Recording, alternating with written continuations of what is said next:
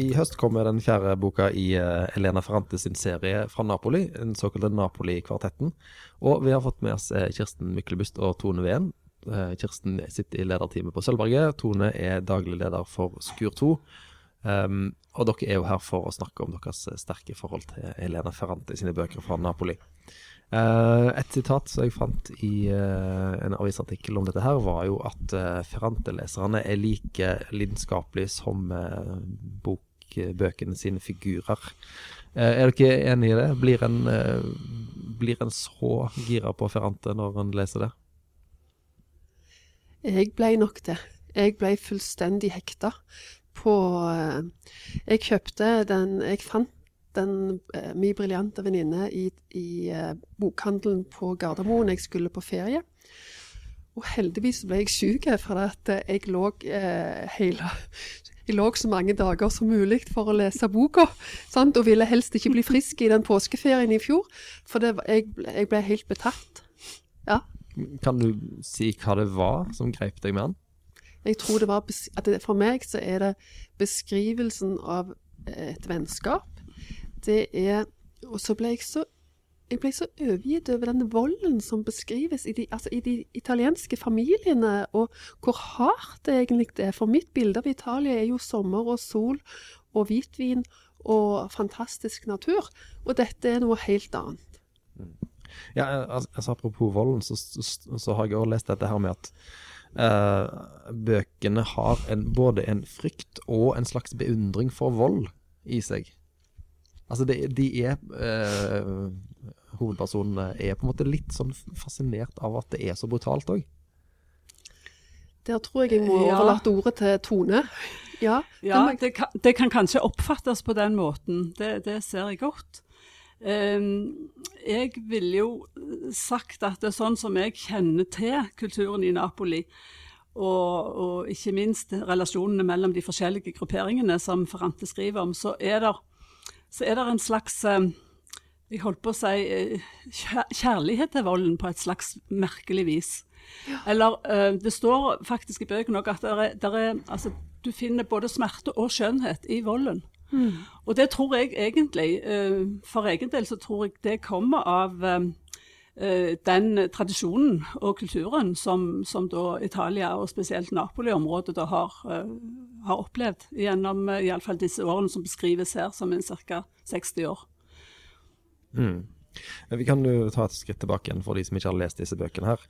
Hva er handlingen her, helt sånn uh, skjematisk fortalt, i disse fire bøkene? Du trenger ikke gå gjennom alle, men hva, hva historie er det som blir fortalt? Eh, altså Gjennom beskrivelsen av, av, et vennskap mellom to jenter, så får du òg Italias his, nære historie fortalt. Du får beskrivelsen av spesielt Elenas klassereise. Altså hvordan tilgang til utdannelse og hardt arbeid gjør at hun faktisk gjør en klassereise. Samtidig som um, um, Hjelp meg nå litt, Tone. Hva var det jeg hva ja, uh, ja, jeg, jeg syns du er veldig fint godt i gang med å beskrive den ytre handlingen i ja. boka. Uh, og hvis jeg skal knytte meg til det som du nettopp sa, så, så, så ser jeg på den beskrivelsen og skildringen av uh, eksempelvis klassereisen hennes, familieliv, ja. uh, selve Napoli som by, samfunnet, politikken osv. osv. Det ser jeg på som en, en viktig bakgrunn, egentlig, for å forstå da bokens kanskje egentlige prosjekt, som er dette ganske kompliserte vennskapsforholdet mm. mellom uh, Lenu og Lila. Ja. Hva er det som gjør det så komplisert, dette forholdet?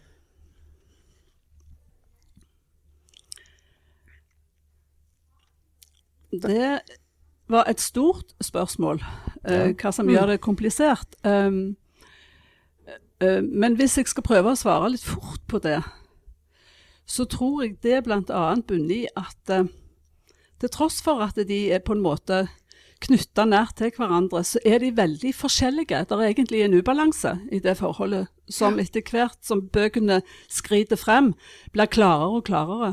Mm. Og, og, hva er det den ubalansen består i? Ja, igjen ut ifra hvordan jeg selv tolker det, så, så er jo da um, Lenu opptatt av hele veien å, å, prøve å forstå og kjenne på følelsene sine og lure på hvorfor det har gått galt mellom de. Mm. Mm. Mens eh, Lila eh, har et helt annet, et annet pragmatisk forhold til det hele. Nesten hva som måtte skje, enten det er godt eller vondt, så har hun på en måte en slags avstand til det hele. Um, og, og, det kommer òg, syns jeg, da, klarere frem i løpet av de, de senere bøkene. Um, så veldig sånn skisse, skissemessig sett så, så syns jeg at der ligger forskjellen mellom de to. Når dere har lest disse bøkene, her, er det sånn at forståelsen deres og sympatien for disse her to eh, veksler? Altså at deres eh, sympati eh, skifter seg etter hvert som handlingen eh, tar nye vendinger? Ikke for meg. Jeg kjenner veldig at jeg har sympatien hos Elena. Men, men, men altså, tilbake til det som Tone sier, for jeg opplever dette òg. Altså, det er òg et veldig usunt vennskap. Altså, de måler krefter hele veien. Altså, det handler så utro. Og det er det, altså, jeg blir nesten sliten jeg, av å lese det noen ganger. For det er hele veien liksom, det maktforholdet de imellom. Og jeg tror jeg syns det var veldig interessant å se på den samlingen vi hadde på kapittel, hvor Elena Ferrante var, var, var, var tema. De som satt i salen, de er på vår alder. Ja. Damer. Overvekt. Og det handler, tror jeg eh, Men jeg har òg snakket med menn om dette. For dette, det, som, det som er i bøkene, det er universelt. Jeg tror alle kan kjenne seg igjen i, et vans, i vennskap som har vært vanskelige og krevende, men samtidig òg fantastiske. Og det tror jeg er med at Det er i hvert fall det som jeg finner i de bøkene. Ja, jeg syns jo at dette vennskapet eh, mellom de to jentene, det er jo til tider rett og slett tyranniserende. Mm. Uh, og jeg husker fra, spesielt fra de første sidene i den første boken, så kjente jeg hvordan pulsen min økte, hvor sint jeg ble, og hvor irritert jeg ble ja. på Lila. At du kunne finne på at du andre kunne finne seg i det. Mm. Så, så, sånn begynte det. Og, mm. og, og, og, det er jo det det er jo fantastisk eh, at, at, du kan sette i gang sånne følelser i forhold til lidenskap osv. den ene eller den andre veien.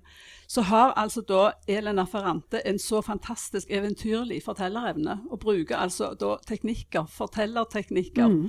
Hun boltrer seg i de, ja. av ymse slag. Mm. Og, og, de som da har øye for dette, de hektes. Ja. Mm. For det er jo ganske absurd at så mange at du skal kunne at så mange av oss kjenner oss igjen i det hun beskriver, og at vi faktisk rett og slett blir utslitt av å lese. Ja, men, ja, men, da, da, ja, men det forteller noe ja. om et forfatterskap som da er utrolig fantastisk. Men er det Du sa at det var flest kvinner i salen da ja. Kristin Sørsdal snakket med Bernhard Ellefsen. Mm. Jeg var der sjøl òg. Det blir ute som podkast, den samtalen òg. Um, er det noe spesielt kvinnelig over dette vennskapet her? Kan man spørre om det? Altså Det her med å måle seg mot hverandre. Eller alle, er alle vennskap en maktkamp, bare at vi ikke vil innrømme det? Det kan nei, ja, ja. Eh, eh, hvis jeg skal få lov å referere til min egen mann, ja. eh, som er en av de få menn som jeg vet har påbegynt bøkene, så sier han ja til det. Han tror det er spesielt kvinnelig.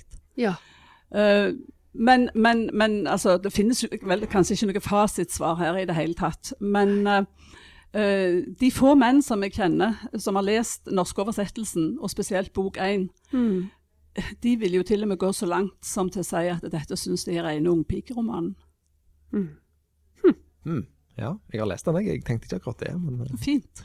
Du er en av de få som ikke ser men, um, men, vi må gå, gå, litt videre og finne ut hvordan disse bøkene har påvirka dere. For eh, Tone, du har lest de på italiensk. Ja, jeg men, har lest de på italiensk. Men du, du lærte deg ikke italiensk i dette i denne sammenhengen? Nei, da kunne jeg nok ikke lest de. Nei. For det er sånn en rik språkdrakt, og det, blir, det, blir, det, er så voldsomt mye ord og formuleringer at eh, jeg måtte være bitte litt videre kommet for å gå i gang med bøkene på italiensk. Nettopp. Og Kirsten, du har eh, med deg eh, bilder fra Napoli.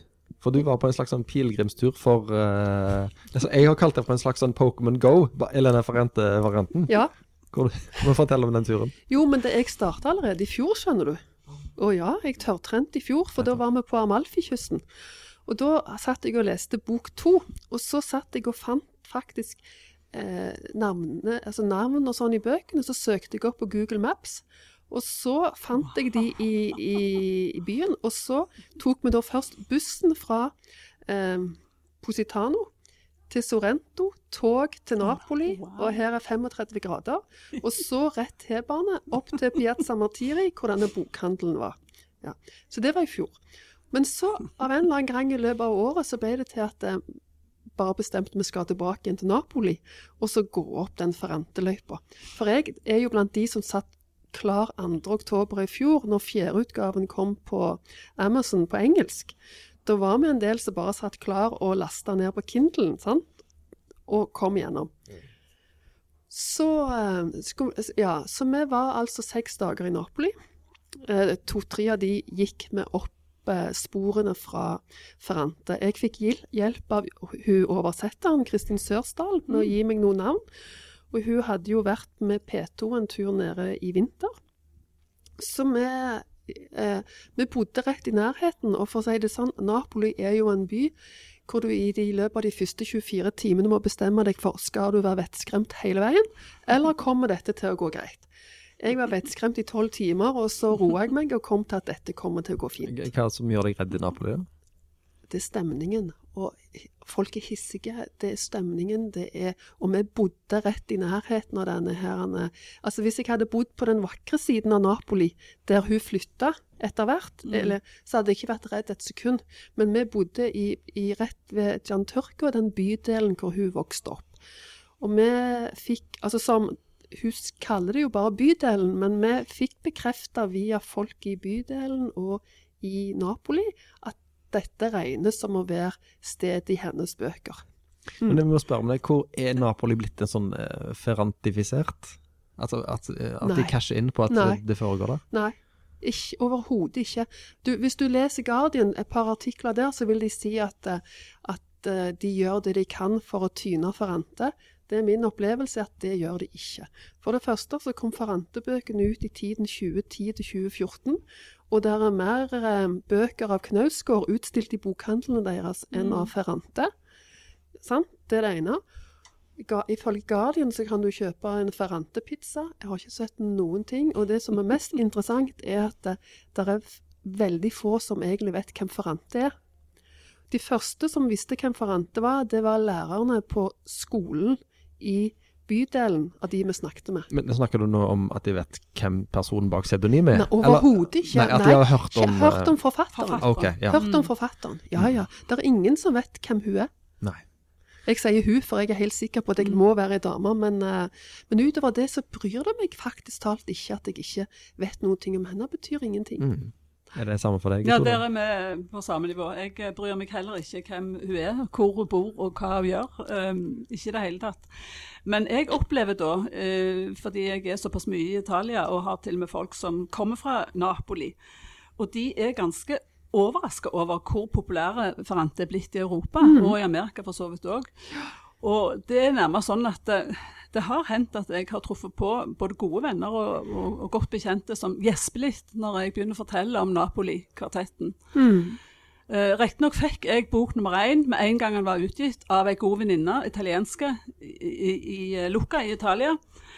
Og uh, var den som da kunne introdusere Ferrante for resten av gjengen. To av de har lest den. To, første boka Ingen har gått videre med å lese to, tre og fire.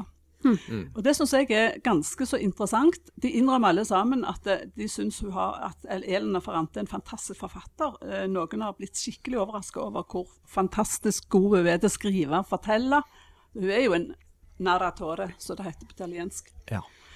Uh, av dimensjoner. Men uh, når det er sagt, så kan det godt være at de er litt uh, litt mette av Napoli og problemat all problematikken i Napoli. Masse oppvekstromaner fra det samme området folk mm. har skrevet om i noen år allerede.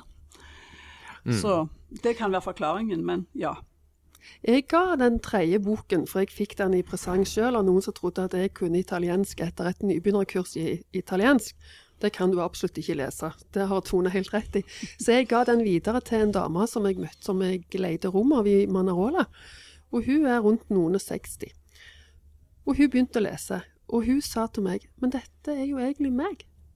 Fikk, mm. Hun er vokst opp på en gård utenfor Bologna. Fikk ikke lov av faren å gå på skole etter niende, men kjempa seg fram og videre og reiste til England, studerte og kom tilbake. Og hun har da lest alle bøkene, elsker de. Hmm. Hmm. Jeg, jeg, leste den første boka på norsk, og um, en ting som var litt fascinerende med det, er at det er litt vanskelig å få tak på stilen hennes. Mm. Du Tone nevnte at du, at du, brukte mye litterære virkemidler, og sånt, og det gjør hun nok. Men, men selve språket er ikke så blomstrende. Det er veldig deskriptivt og veldig eh, eh, sånn presist, men det er ikke de der, eh, de der setningene hvor du bare tenker åh, dette er en stor forfatter i, i sving. Er du enig? På italiensk finner du mange sånne setninger. Ok. Ja. Og, eh, og eh, det, det, det, høres litt sånn eh, halvarrogant ut å si det på den måten, men det, det er faktisk sant. Fordi at uh, du kaller det blomstrende språk. Ja, det er en rik språkdrakt, språkdrakt hun har. Uh, fargerik uh, til dels, og til tider. Og, og dette med at hun hun bruker jo egentlig selve fortellingen historiene. Altså, hun, hun, forteller, hun snakker om hendelser, situasjoner, aktiviteter hele, hele tiden. Og hun, og hun, drar det ut i det uendelige. Hvis du ikke mm. blir ferdig til to setninger, så skriver fem setninger til. Mm.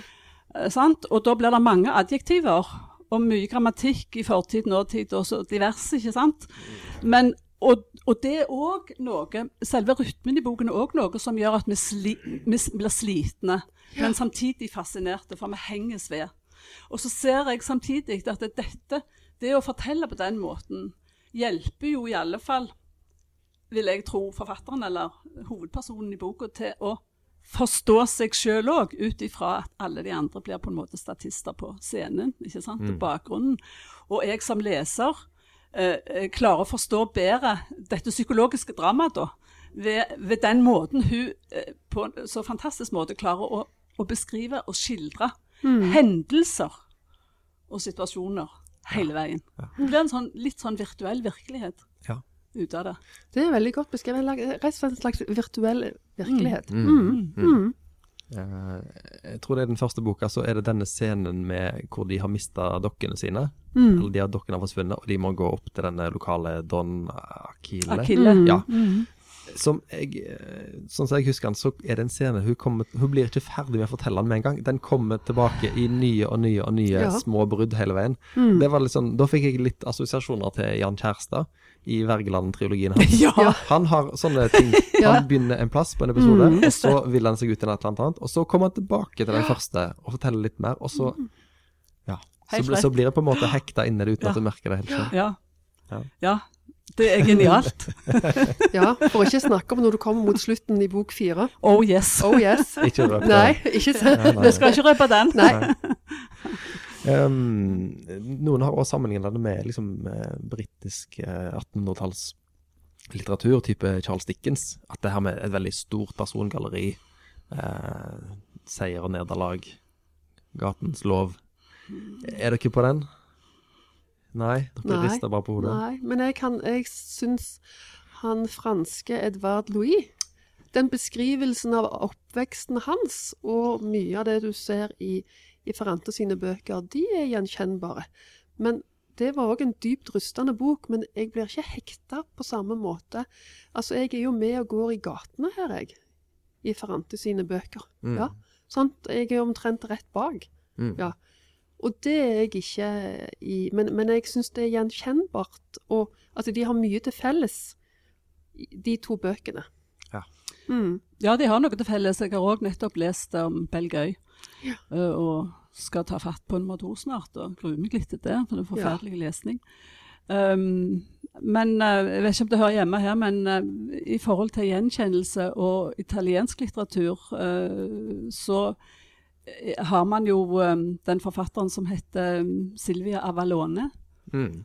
Som uh, har skrevet en bok som på norsk vel er oversatt til Stål, ja. som heter 'Chaio'. Mm. På italiensk. Den leste jeg uh, sikkert fem-seks år før jeg leste den første her. Og der finner du mye uh, likt, for å mm. si det mm. sånn, i forhold mm. til en oppvekst og i forhold til vennskap og makt og maktmisbruk. Og, mm. Uh, motsetninger og selvmotsigelser og det hele. Altså, det, det er en sånn smeltedigel av, um, av, både folk og følelser og, og, mye, for å si det sånn. Så kom jo hun ut med ei bok til hun har låne, hun har bare skrevet to bøker. Men uh, i alle fall den første kan sammenlignes med med selve tematikken, da i alle fall, i uh, Ferrante sine bøker. Mm. Mm. Kommer fra området rundt Piombino og de stedene der, så det er ikke fullt så langt sør, men allikevel uh, forhold med Styggeste byen i Toskana. Veldig stygt, og ja. veldig mye fattigdom og mye ulikhet og mye nedlagte fabrikker ja. og det hele. Mm. Ja. Kirsten, du sa jo i begynnelsen dette med at du har uh, Italia er jo for mange, sant. Det er jo ferie og pizza og bading og sånne ting. Mm. Mens um, det er jo ikke det Italia vi møtte i denne boka her. Har du, har du, fått et annet syn på Italia, eller har du bare blitt fortalt noe du egentlig visste fra før? Ja, altså, altså Den oppvekstbeskrivelsen med, med, en mor som slår, altså sant, og hyling og skriking, og de hiver hverandre ut vinduene. altså, nei. Der, der, var ikke jeg, altså. Nei. nei du kan le, du, men de gjorde jo det. Ja, altså de gjør jo det. Og så syns jeg det er så vanvittig og utrolig å se hvor nære egentlig mor og, Elena var når alt kommer til alt, når det går mot slutten. sant? For, for moren. ja. Det, det, er denne dolorezzaen midt ja. i volden. Ja. Altså denne skjønnheten eller omsorgen eller hva du vil, midt mm. i det galne. Mm. Som, som, eh, kommer til overflaten veldig mye i bøkene hennes. Ja. Mm. Vi må jo avslutningsvis ta noen ord om disse italienske mennene. Ja, Kommer de godt ut av det her, eller? Jeg er så forbanna på Nei, altså, det kan jeg ikke si her, men altså, han der han er Nino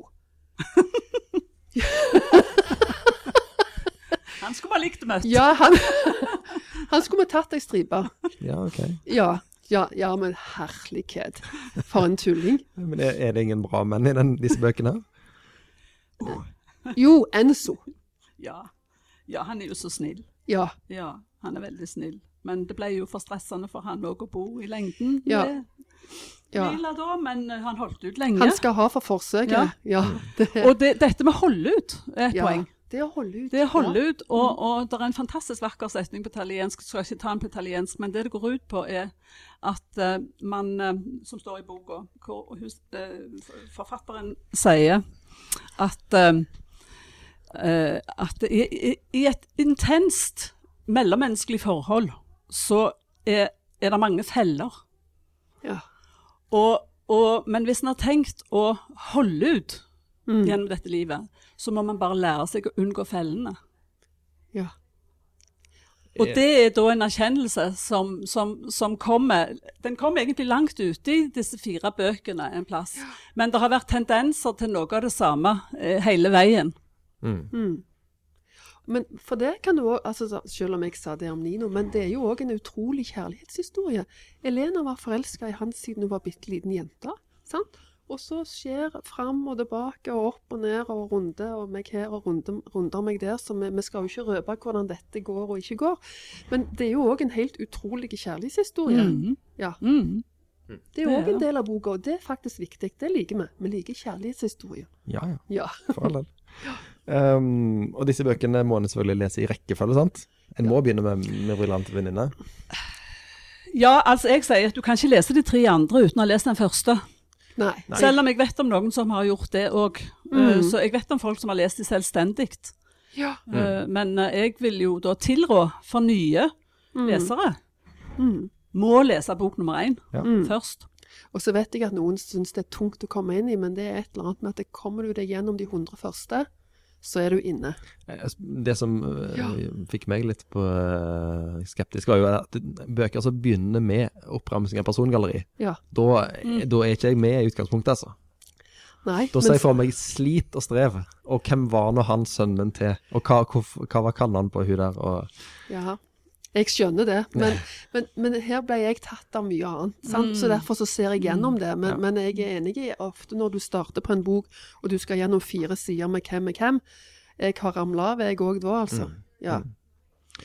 OK. Eh, hvor går dere videre fra dette her, da? Hva er neste Har dere noen nye leserprosjekt som er influert av Ferrante-bøkene? Altså, jeg har ikke lest Stål Men jeg har den liggende hjemme, og er veldig, har gleder meg til det. Um, så, og så har jeg bestemt meg for at jeg skal lese bok fire på nynorsk når den kommer. For at jeg tror jeg går glipp av en del, for jeg har lest engelskutgavene. Og på to, tre og fire har jeg lest på engelsk. Og det fortalte òg hun oversetteren meg, at Anne Goldstein sine oversettelser, det er mye mindre banning og mye mindre frodig språk i den engelske kontra den italienske og den nynorske. Så jeg skal rett og slett unna meg eh, nummer fire eh, på nytt, på nynorsk.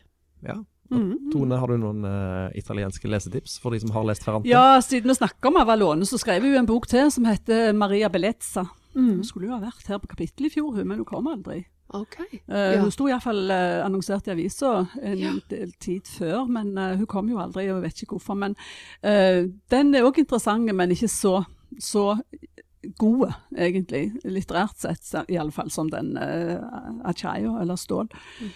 Uh, så for all del, jeg har lest òg jeg har lest òg en annen bok, minst en annen bok da, som jeg, den siste jeg leste av Elena Ferrante. den vet jeg rett og slett ikke om er oversatt til norsk engang, men kanskje han er. Men den uh, handler om um, Det heter 'I giorni della bandone'. Og det betyr Hjemkomsten? Uh, nei. Det er ikke den, nei. nei det, er, uh, handler om ei, ei, ei, ei, dame som da blir forlatt av sin mann, og sitter igjen i en ja. leilighet i Torino mm. ja. med to unger og en hund. Mm. Um, så det er Ferrante på en litt annen måte. Med referansene til 'Nerva til Napoli' er, finnes også i den boka, eksempelvis. Mm. Så, så, det uh, hvis, hvis, du først blir hekta på Ferrante, så bør en iallfall unne seg å lese flere bøker.